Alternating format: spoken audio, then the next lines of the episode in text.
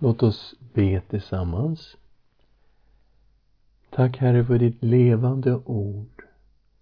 Och tack för det nya förbundet som vi ska få läsa om idag. Vi ber gode Gud, fyll oss med din heliga Ande.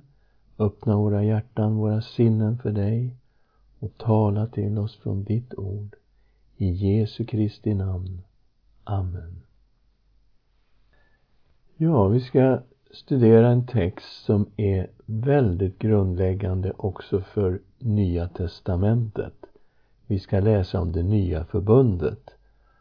Och eh, Nya testamentet betyder ju Nya förbundet. Det är ju så att ordet för testamente i grekiskan är ju både testamente och förbund. Och på många språk så heter ju Nya Testamentet Nya Förbundet som på arabiska till exempel Ahdejtid. Så det betyder helt enkelt Nya Förbundet. Det ska vi läsa om idag. Och när vi kommer in i de här texterna då kommer vi lägga märke till att det nya förbundet det gäller primärt Israel och Juda. Men hur är det med oss hedningar? Är det så att vi har någon del i detta förbund? Hur skulle det i så fall gå till när Gud helt tydligt sluter ett förbund med Israel och med Juda? Ja, när vi kommer in i Nya Testamentet så lägger vi märke till att Jesus instiftade nattvarden och då sa han om vinet i bägaren Detta är mitt blod förbundsblodet som blir utgjutet för många. Det här innebär ju att Jesus offer var ett förbundsoffer. Och i och med Jesus fullkomliga offer så gällde nu löftena i det nya förbundet. Just det förbund som vi ska läsa om här idag. De flesta förbunden i Gamla testamentet de vilade på Guds förbund med Abraham. Och det gäller alla viktiga förbund som kommer efter Abraham. Det gäller Guds förbund med Israels folk vid Sinai berg. Det gäller Guds förbund med David. Och det gäller det här nya förbundet som vi ska läsa om idag. Allt det här vilar på Guds förbund med Abraham. Och de löften som Gud gav Abraham, de gällde inte bara Israel, utan dessutom alla folk. För alla folk skulle bli välsignade i Abraham och i hans avkomma. Vi ska läsa några verser här, Första Mosebok 12, 1-3. Herren sa till Abraham, gå ut från ditt land och din släkt och din fars hus och bege dig till det land som jag ska visa dig. Där ska jag göra dig till ett stort folk. Jag ska välsigna dig och göra ditt namn stort. Och du ska bli en välsignelse. Jag ska välsigna dem som välsignar dig och förbanna dem som förbannar dig. I dig ska jordens alla släkten bli välsignade. Och man kan se hur hela Bibeln strömmar utifrån de här tre verserna. Här finns ju löfte om landet och folket och man kan säga att hela Gamla Testamentet handlar om landet och folket. Men här finns ju också löften om att alla släkten i hela världen ska bli välsignade i Abraham. Och det gäller ju hela Nya Testamentet där vi ser hur allt detta blir uppfyllt i Jesus Kristus. Vi ska också läsa i kapitel 22, vers 15 till 18. Och det här är i samband med att Gud prövade Abrahams tro och lydnad och kallade honom att offra sin son Isak. Så här läser vi i kapitel 22, vers 15. Herrens ängel ropade igen till Abraham från himlen. Jag svär vid mig själv, säger Herren, eftersom du har gjort detta och inte undanhållit mig din ende son ska jag välsigna dig rikligt och göra dina efterkommande talrika som stjärnorna på himlen och som sanden på havets strand. Och din avkomma ska inta sina fienders portar. I din avkomma ska jordens alla folk bli välsignade därför att du lyssnade till min röst. Vi kan också läsa här i Första Mosebok hur Abraham blev förklarad rättfärdig genom tron på Guds löften. Första Mosebok 15, vers 5 och 6. Sedan förde han ut honom och sa Se upp mot himlen och räkna stjärnorna om du kan räkna dem. Och han sa till honom, så ska din avkomma bli. Och Abraham trodde på Herren och han räknade honom det till rättfärdighet. Så han skulle få så många barn att det skulle vara omöjligt för honom att räkna alla barn. Och det står att Abraham trodde på Guds löfte och Herren räknade honom den här tron till rättfärdighet. Så Abraham blev förklarad rättfärdig genom tron på Guds löften. Paulus lärde att Jesus Kristus var Abrahams avkomma och därmed uppfyllelsen av detta löfte. Vi ska se i Galaterbrevet 3 och 16. Nu gavs löftena till Abraham och hans avkomma. Det står inte och dina avkomlingar, så när det gäller många, utan så när det gäller en enda och din avkomma som är Kristus. Så löftet innebar att i Jesus Kristus skulle alla folk bli välsignade. Och när vi tror på Kristus blir vi förklarade rättfärdiga likt Abraham och vi blir Abrahams barn på ett andligt sätt. Galaterbrevet 3, 5-9. Han som ger er anden och gör underverk bland er, är det för era laggärningar eller för att ni lyssnar i tro som Abraham? Han trodde Gud och det räknades honom till rättfärdighet. Därför ska ni veta att det som har tron, det är Abrahams barn. Skriften förutsåg att Gud skulle förklara hedningarna rättfärdiga av tro och gav i förväg detta glädjebud till Abraham. I dig ska alla folk bli välsignade. Alltså blir de som tror välsignade tillsammans med Abraham som trodde. Okej, okay, så vi blir Abrahams andliga barn när vi tror på Jesus Kristus. För i löftena till Abraham låg löftet om Kristus. Och de här löftena är alltså uppfyllda i Jesus Kristus. Och när vi tror på Kristus, då tror vi på Guds löften som är uppfyllda i Kristus och vi har samma tro som Abraham, faktiskt på samma löfte. Och eftersom Kristus är Abrahams avkomma är vi dessutom Abrahams barn när vi är förenade med Kristus. Titta hur det står i Galaterbrevet 3.29. Och om ni tillhör Kristus är ni avkomlingar till Abraham, arvingar efter löftet. Så, på det här sättet, genom tron på Kristus, tillhör vi Guds förbund med Abraham.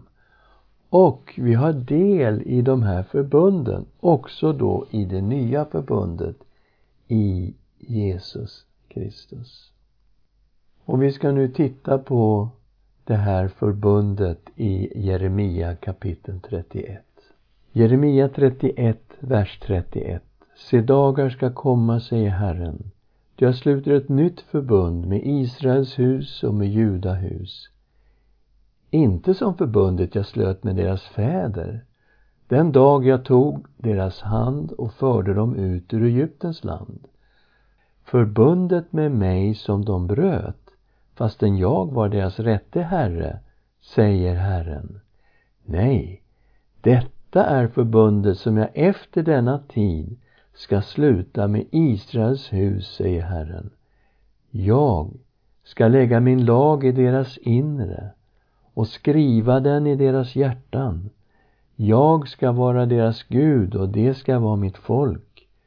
Då ska de inte mer behöva undervisa varandra. Ingen sin broder och säga Lär känna Herren. Alla ska känna mig, från det minste av dem till den störste, säger Herren. För jag ska förlåta deras missgärningar och aldrig mer minnas deras synder. Detta är det nya förbundet. Och Herren säger att det nya förbundet var olikt det gamla. Det skulle vara annorlunda det förbund som Israel hade brutit. Vi ska titta på de här löftena i vers 33 och 34. Nej, detta är förbundet som jag efter denna tid ska sluta med Israels hus, säger Herren. Jag ska lägga min lag i deras inre och skriva den i deras hjärtan. I det gamla förbundet var ju lagen utanför människan, inristad på stentavlor. Men i det nya förbundet är lagen inne i människan, skriven i våra hjärtan.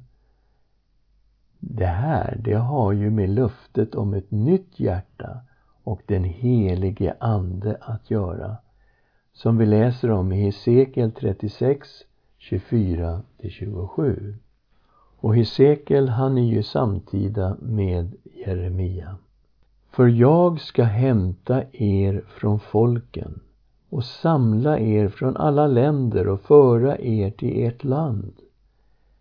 Jag ska stänka rent vatten på er så att ni blir rena. Jag ska rena er från all orenhet och från alla era avgudar. Jag ska ge er ett nytt hjärta och låta en ny ande komma in i er. Jag ska ta bort stenhjärtat ur er kropp och ge er ett hjärta av kött. Jag ska låta min ande komma in i er och göra så att ni vandrar efter mina stadgar och håller mina lagar och följer dem. Så det här är någonting fantastiskt som Gud ska göra. Det är han som ska rena folket så att de blir rena. Det är han som ska ta ut stenhjärtat och ge dem ett nytt hjärta.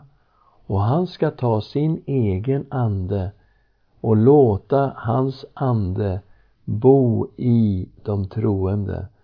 Och Guds ande ska göra så att man får kraft att följa Herren. Och Paulus lärde ju att korinterna, de var Kristus brev. Skrivna inte med bläck, utan med den levande Gudens ande. Inte på tavlor av sten, utan på tavlor av kött. I era hjärtan. Det här är Andra Korinthierbrevet 3 och 3. Så vi troende är Kristus brev. Det är de icke troende som finns runt omkring oss. De kanske inte läser många kristna böcker.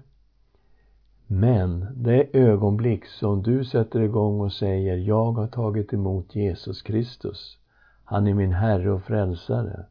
Guds ande bor i mig. Då kan du vara säker på att alla runt omkring dig kommer att läsa ditt liv. De kommer att se, finns det här i honom eller i henne som han talar om här? Finns verkligen det här i dig, det som du talar om? Att du skulle kunna vara Kristusbrev som människor läser. Ja, skulle någonting hända i våra liv som gör att Kristus syns i oss, då vet vi att det är ett verk av den heliga Ande.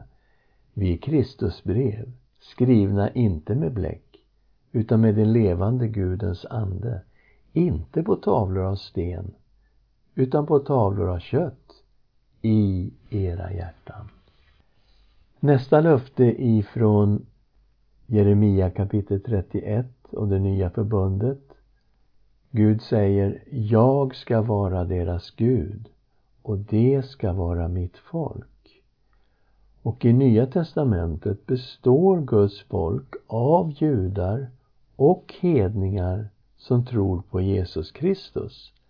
Vi ska läsa första Petrusbrevet kapitel 2, vers 9 och 10. Men ni är ett utvalt släkte, ett konungsligt prästerskap, ett heligt folk, ett Guds eget folk, för att förkunna hans härliga gärningar. Han som har kallat er från mörkret till sitt underbara ljus. Ni som förr inte var ett folk är nu Guds folk. Ni som inte hade fått barmhärtighet har nu fått barmhärtighet. Och det var ju verkligen sant om hedningarna som kommit till tro på Kristus. Att de förr inte var ett folk, men nu är Guds folk.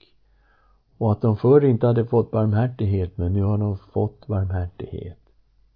Så vi är ett utvalt släkte, ett Guds eget folk. Vi har ett syfte, ett missionssyfte, för att förkunna hans härliga gärningar. Vi går vidare i löftena i det nya förbundet.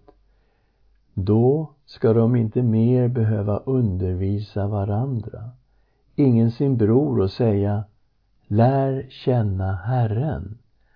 Alla ska känna mig, från det minste av dem till den störste, säger Herren.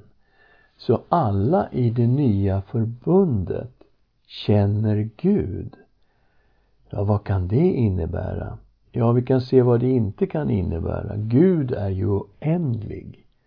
Men vi är begränsade. Vi kommer aldrig att till fullo förstå Gud. Men det vi gör är att vi känner Gud genom Jesus Kristus.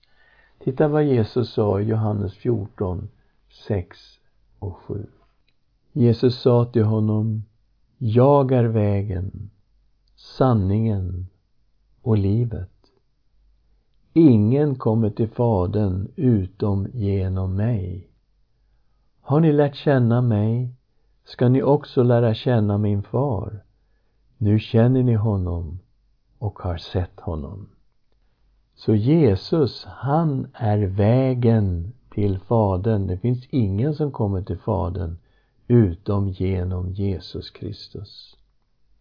På vilket sätt skulle Jesus kunna vara den enda vägen till Gud?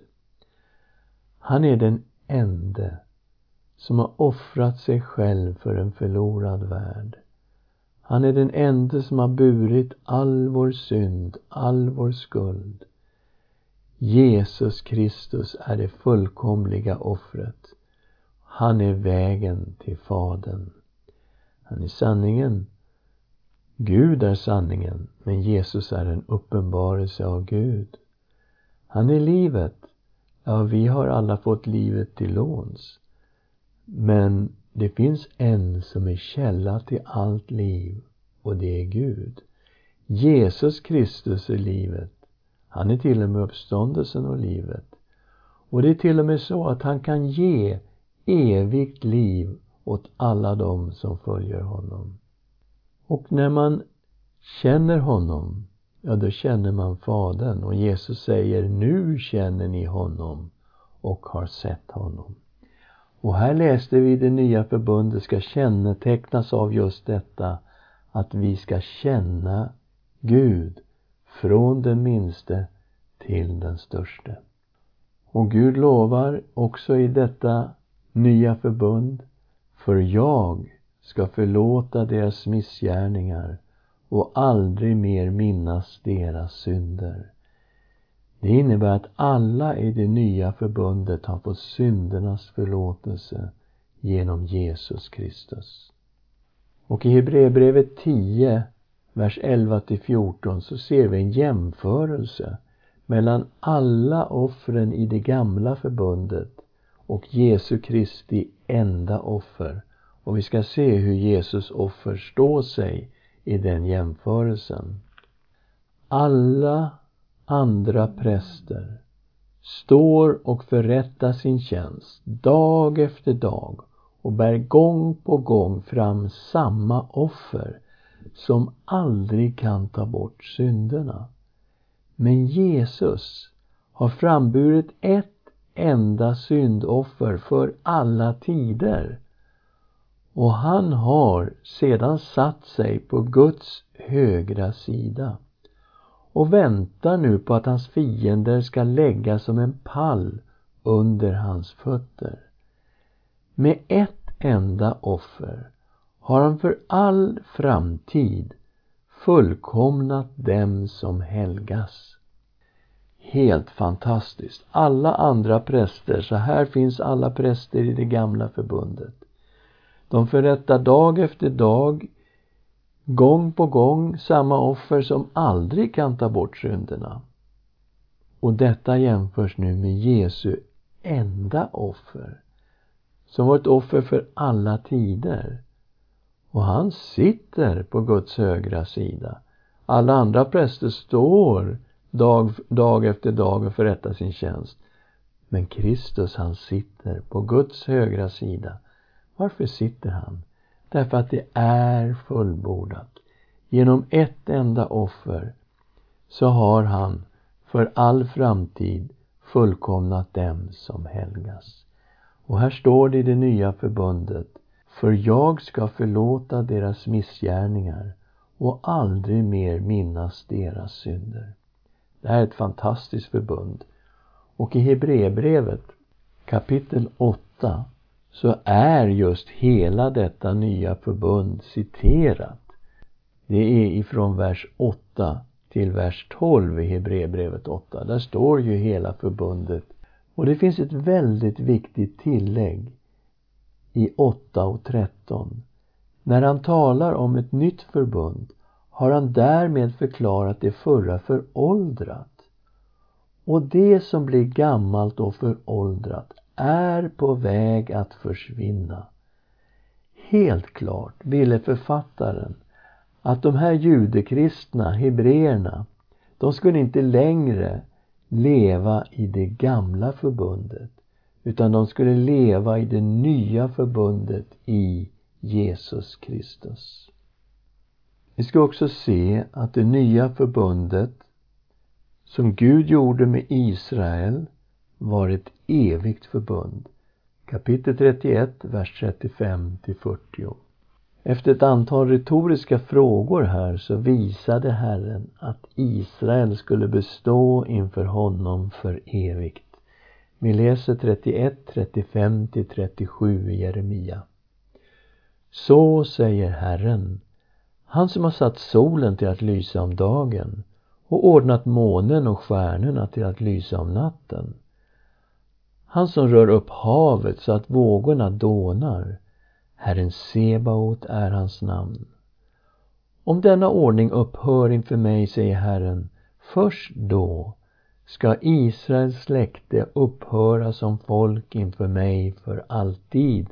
Så säger Herren, om himlen där ovan kan mätas och jordens grundvalar där nere kan utforskas.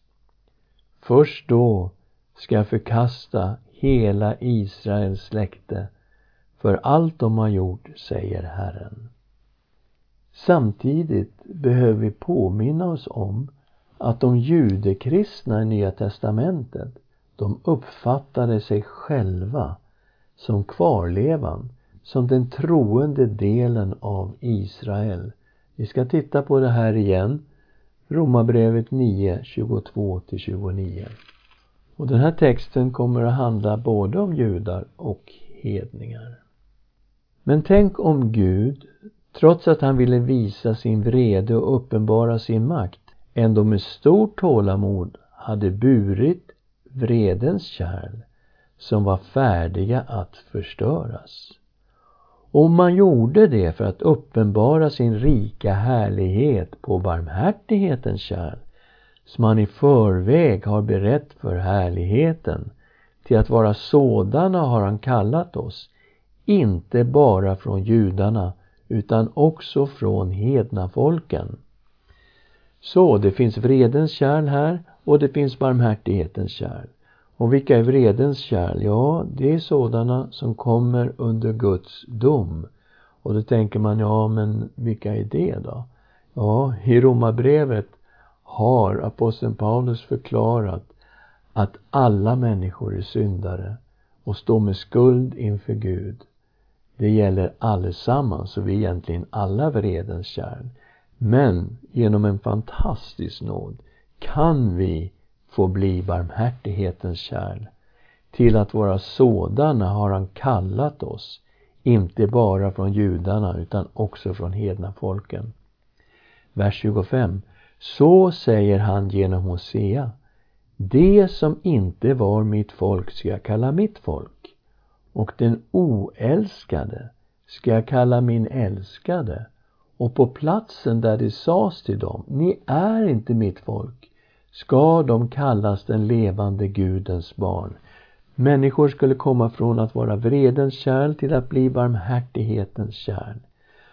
Och när det gäller hedningarna så är det ju verkligen sant att det är sagt att det var inte mitt folk. Och här ska de nu få höra att de är Guds folk och till och med den levande Gudens barn. Men när det gäller Israel i stort då, vers 27. Men Jesaja utropar om Israel. Även om Israels barn vore talrika som havets sand ska bara en rest bli frälst. Snabbt och slutgiltigt ska Herren hålla räkenskap på jorden. Och Jesaja har också förutsagt hade inte Herren Sebaot lämnat kvar några ättlingar åt oss, då hade vi blivit som Sodom, vi hade liknat Gomorra. Så här talar han om att det finns en rest. Även om Israels barn var talrika som havets sand, så ska bara en rest bli frälst. Bara en del av folket skulle bli frälst. Och det är så aposteln Paulus uppfattar sig själv och de judekristna i sin tid. De är den här resten. De är kvarlevan. Och vi kommer till det elfte kapitlet av Romarbrevet, vers 1 6. Jag frågar nu, har då Gud förkastat sitt folk? Verkligen inte. Jag själv är israelit av Abrahams ett och av Benjamins stam. Gud har inte förkastat sitt folk som han en gång har erkänt som sitt. Eller vet ni inte vad skriften säger där den talar om Elia? Hur han vänder sig till Gud och anklagar Israel. Herre, de har dödat dina profeter och rivit ner dina altaren. Jag ensam är kvar och det är ute efter mitt liv. Men vad är Guds svar till honom? Jag har lämnat kvar åt mig 7000 man som inte har böjt knä för Bal. På samma sätt finns också nu i denna tid en rest som Gud har utvalt av nåd. Men är det av nåd så är det inte av gärningar, annars vore nåden inte längre nåd. Så som det var på Elias tid att det fanns en rest, en kvarleva. På samma sätt var det också i Paulus tid, så är det nu. Det finns en rest. Och vilka är de? Ja, det är de judar som har tagit emot Jesus Kristus som sin Herre och Frälsare och som följer honom. De tillhör kvarlevan i nytestamentlig tid. Och gudsfolket då i Nya Testamentet består av judar som tror på Jesus och av hedningar. De är tillsammans i ett folk. Vi ska fortsätta att läsa i Romarbrevet 11. Vi läser vers 16 till 24. Om förstlingsbrödet är heligt är hela degen helig. Och om roten är helig är också grenarna heliga. Men om nu några av grenarna har brutits bort och du som är en vild olivkvist har blivit inympad bland dem och fått del i det äkta olivträdets näringsrika rot. Så, det finns ett äkta olivträd. Det är ett träd med rötter ända ner till Abraham, Isak och Jakob. Det går rakt igenom Gamla testamentet. Och det här trädet är den troende delen av Israel. Och det står här om några grenar som har brutits bort. Ja, det är ju de judar som inte tog emot Jesus som Messias. De har brutits bort ifrån det här äkta olivträdet.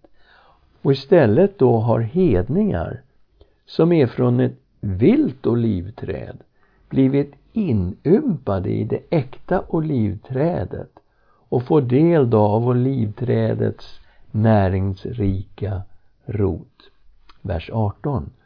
Då ska du, vi som är hedningar, inte förhäva dig över grenarna. För om du förhäver dig ska du veta att det inte är du som bär roten, utan roten som bär dig. Nu invänder du kanske, grenarna bröts bort för att jag skulle ympas in. Det stämmer. De bröts bort på grund av otro. Men du är kvar genom tron. Var inte högmodig, utan bäva. För om Gud inte skonade de naturliga grenarna ska han inte heller skona dig. Se här Guds godhet och stränghet. Stränghet mot dem som föll. Guds godhet mot dig, om du blir kvar i hans godhet. Annars blir också du bortskuren.